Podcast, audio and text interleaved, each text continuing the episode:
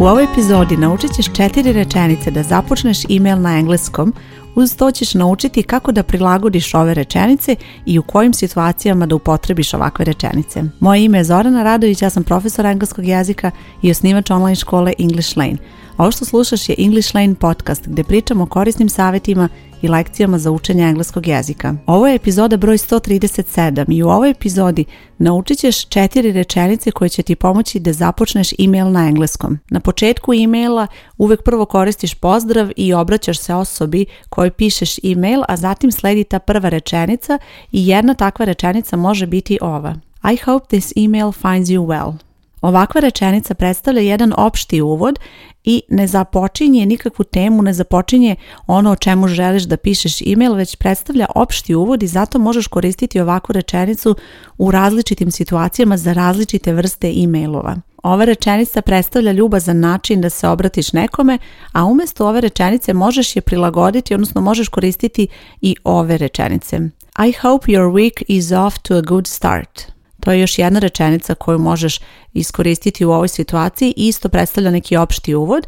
I još jedna, I hope everything's great. Ovakve rečenice koristiš kao neki opšti uvod jer još uvek ne uvodiš temu, ne uvodiš ono čemu pišeš u e-mailu, već samo iskazuješ neko nadanje da je osoba dobro i da je nedelja radna počela dobro, a zatim sledi sledeća rečenica, odnosno dalje nastavak e-maila. Druga rečenica koju možeš koristiti umjesto ove prethodne da započneš e-mail glasi ovako. Thank you for your prompt response to my previous email. Ovakvu rečenicu koristiš ako želiš da započneš e-mail gdje ćeš se zahvaliti osobi za odgovor na prethodni email i to je u situaciji kada se nastavlja konverzacija, znači ti šalješ osobi email, osoba tebi odgovara i zatim želiš da se zahvališ osobi za brz odgovor, onda koristiš ovakvu rečenicu da započneš email. Zbog ove reči prompt, ova rečenica zvuči malo formalno, tako da umjesto toga možeš reći i quick, quick response, brzi odgovor, ima isto značenje, ali kada koristiš reč quick, onda ta rečenica zvuči malo manje formalno. Umjesto ove rečenice možeš napisati i ovako Thank you for your email. Ova rečenica izbacuje taj ideja o brzom odgovoru, dakle ukoliko je tebi važan taj brz odgovor, koristit ćeš prvi primjer, ali ukoliko želiš neki opšti način da započneš email, možeš koristiti ovu rečenicu thank you for your email ili ukoliko se opet nadovezuješ može biti thank you for your reply. To su sve rečenice gdje se ti nadovezuješ na prethodni email koji je osoba tebi poslala. Još jedna varijacija na ovu temu isto gdje želiš da se zahvališ osobi za odgovor može biti ovako Thanks for sending me the details regarding i onda sada u nastavku rečenice dodaješ nešto, odnosno dodaješ nastavak Recimo može biti thanks for sending me the details regarding our meeting ili thanks for sending me the details regarding this report i tako dalje. Znači u nastavku posla ovog regarding će biti nešto u vezi sa čim ti je osoba poslala taj prethodni email. Ako koristiš reč thanks na početku, onda to ovu rečenicu čini malo manje formalnom, a ukoliko želiš da ta rečenica ipak bude formalna,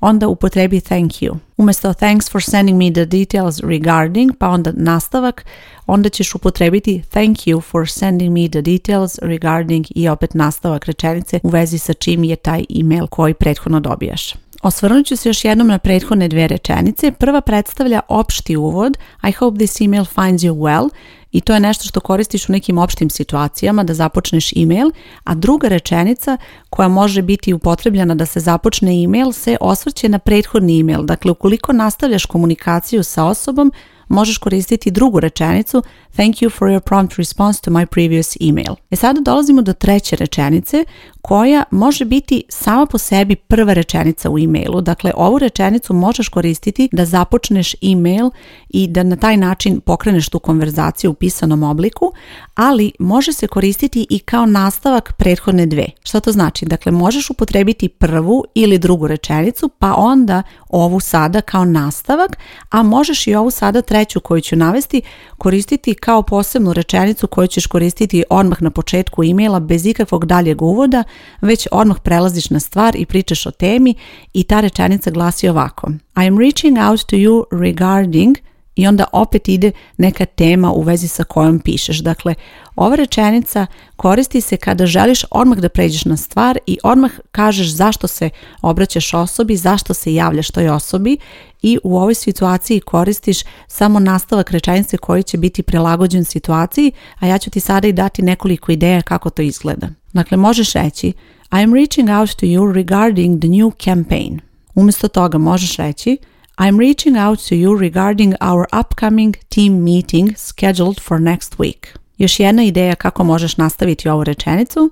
I'm reaching out to you regarding the job opportunity you mentioned during our last conversation. Početak rečenice je nešto što je univerzalno i nešto što možeš koristiti u različitim vrstama e-mailova, ali je bitno da ovaj nastavak prilagodiš toj situaciji.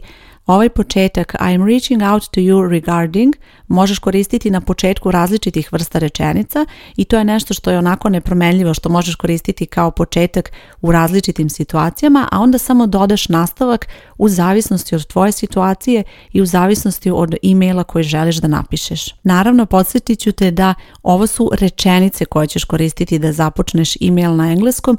Pre toga, naravno, treba da stoji neki pozdrav na početku, pa onda koristiš neku od ovih rečenica. Imali smo tri rečenice do sada i dolazimo do četvrte. Četvrta rečenica je isto rečenica koju koristiš ukoliko želiš odmah da pređeš na stvar i da pomeneš temu i ta rečenica glasi ovako. I wanted to update you on the progress of. I onda ide nastavak rečenice. Opet ću ti dati nekoliko primjera, a ono što je bitno da zapamtiš da se ova rečenica koristi kada želiš da daš neku povratnu informaciju ili neki status situacije, tako da to predstavlja neki nastavak konverzacije, odnosno ovo je rečenica koju ćeš obično koristiti ukoliko sa tom osobom već radiš na nekom projektu, ukoliko je već bio neki zajednički sastanak ili neki zajednički izveštaj, neka zajednička kampanja, dakle nešto u vezi sa čim ti želiš da pošalješ status, odnosno povratne informacije o čemu se tu radi i evo sada kako izgleda nastavak. I wanted to update you on the progress of the construction project. Ili I wanted to update you on the progress of your order. Ova druga rečenica je odlična ukoliko je u pitanju email koji je vezan za prodaju, pa razgovaraš sa klijentima i u pitanju je neka poručbina, your order, a ono što je bitno da zapamtiš da se posle ove rečenice koju imamo četvrte, vrlo često uvodi cela sljedeća rečenica i onda se pravi jedna složena rečenica i poslušaj sada primjer. I wanted to update you on the progress of your order and I'm happy to inform you that it has been shipped. U ovoj rečenici Reč progress koristiš ukoliko želiš da pokažeš da tu postoji situacija koja se menja, odnosno očekuje se neki napredak i da zato šalješ takav email, ali umjesto te reči možeš koristiti i reč status, odnosno status, da pokažeš kakva je situacija i posebno u situaciji ako nema promjena, onda je bolje upotrebiti tu reč. I ova četvrta rečenica je takva da možeš je koristiti ili na početku emaila da odmah kreneš da pričaš o čemu se radi ili je možeš koristiti kao drugu rečenicu a jednu od one prve dve rečenice možeš koristiti kao opšti uvod. Kada koristiš engleski u poslovnoj komunikaciji, vrlo je bitno ostati fokusiran na temu, odnosno na razlog zašto pišeš e-mail, izbjegavati bilo kakve digresije i suvišne reči, ali je ujedno i važno ostati ljubazan, odnosno imati taj formalan način obraćanja koji je važan za takav vid komunikacije i koji nije nešto što ćeš koristiti u svakodnevnoj komunikaciji. Zato su ovakve rečenice odlična priprema za pisanje e-mailova zato što će ti pomoći da koristiš ovakve rečenice i početak ovakvih rečenica koji možeš prilagoditi različitim situacijama i vidjet ćeš da ćeš vrlo često biti u situaciji da ovaj recimo uvod I hope this email finds you well koristiš u velikom broju e-mailova. Isto tako i s ovim ostalim rečenicama, samo ćeš ih ponekad promeniti kada je bitno to uraditi u različitim situacijama i prilagodit ćeš taj razlog zašto pišeš e-mail, ali sama ta struktura rečenice je nešto što možeš koristiti onako iznova i iznova i na taj način imati sigurnost da dobro pišeš taj e-mail i da su dobre rečenice koje koristiš u takvoj komunikaciji. Na ovaj način ćeš olakšati sebi, imat ćeš gotovo spremne neke obrazce, odnosno već pripremljeni veći deo e-mailova koji možeš koristiti i onda ćeš ga samo prilagoditi različitoj situaciji još jedan savjet ću podeliti sa tobom kada pišeš na engleskom i kada je u pitanju ta poslovna komunikacija, iako ćeš vrlo često biti u situaciji i želećeš da napišeš veoma složenu rečenicu i vrlo često to e, dobro zvuči onako kada čitaš takav email, ako si na početnom ili čak i možda na srednjem nivou, vrlo često ćeš biti u situaciji da ti je teško da napišeš takvu rečenicu i da ćeš izostaviti neku reč koja je veoma važna da bi se razumela takva rečenica i onda tada probaj da izbegavaš ako je moguće takve rečenice, probaj da se fokusiraš da podeliš rečenicu složenu koju želiš da napišeš, da je napišeš kao dve kraće rečenice jer ćeš na taj način smanjiti mogućnost za grešku i uvijek imaju u vidu da neko ko čita tvoj email neće pomisliti a ovo su suviše kratke rečenice, ovo je moglo da se napiše složenije jer to nije poenta, poenta je da napišeš email tačno i da sve to u tom e bude lepo napisano da sagovornik može pravilno da razume sve. Ako si polaznica moje škole i pohađaš programe u okviru moje škole, vidjet ćeš da će u okviru kursa Poslovni engleski 2 tema biti baš pisanje e-mailova gdje ćeš učiti različite rečenice, da započneš email, da uvedeš temu, kao i različite načine da završiš email i ovo će ti pomoći da pripremiš ovako neke obrazce koje možeš koristiti da i ti pišeš emailove kada je u pitanju poslovna komunikacija ovaj kurs možeš pohađati u okviru drugog nivoa programa u mojoj školi i to predstavlja završni kurs u okviru tog drugog nivoa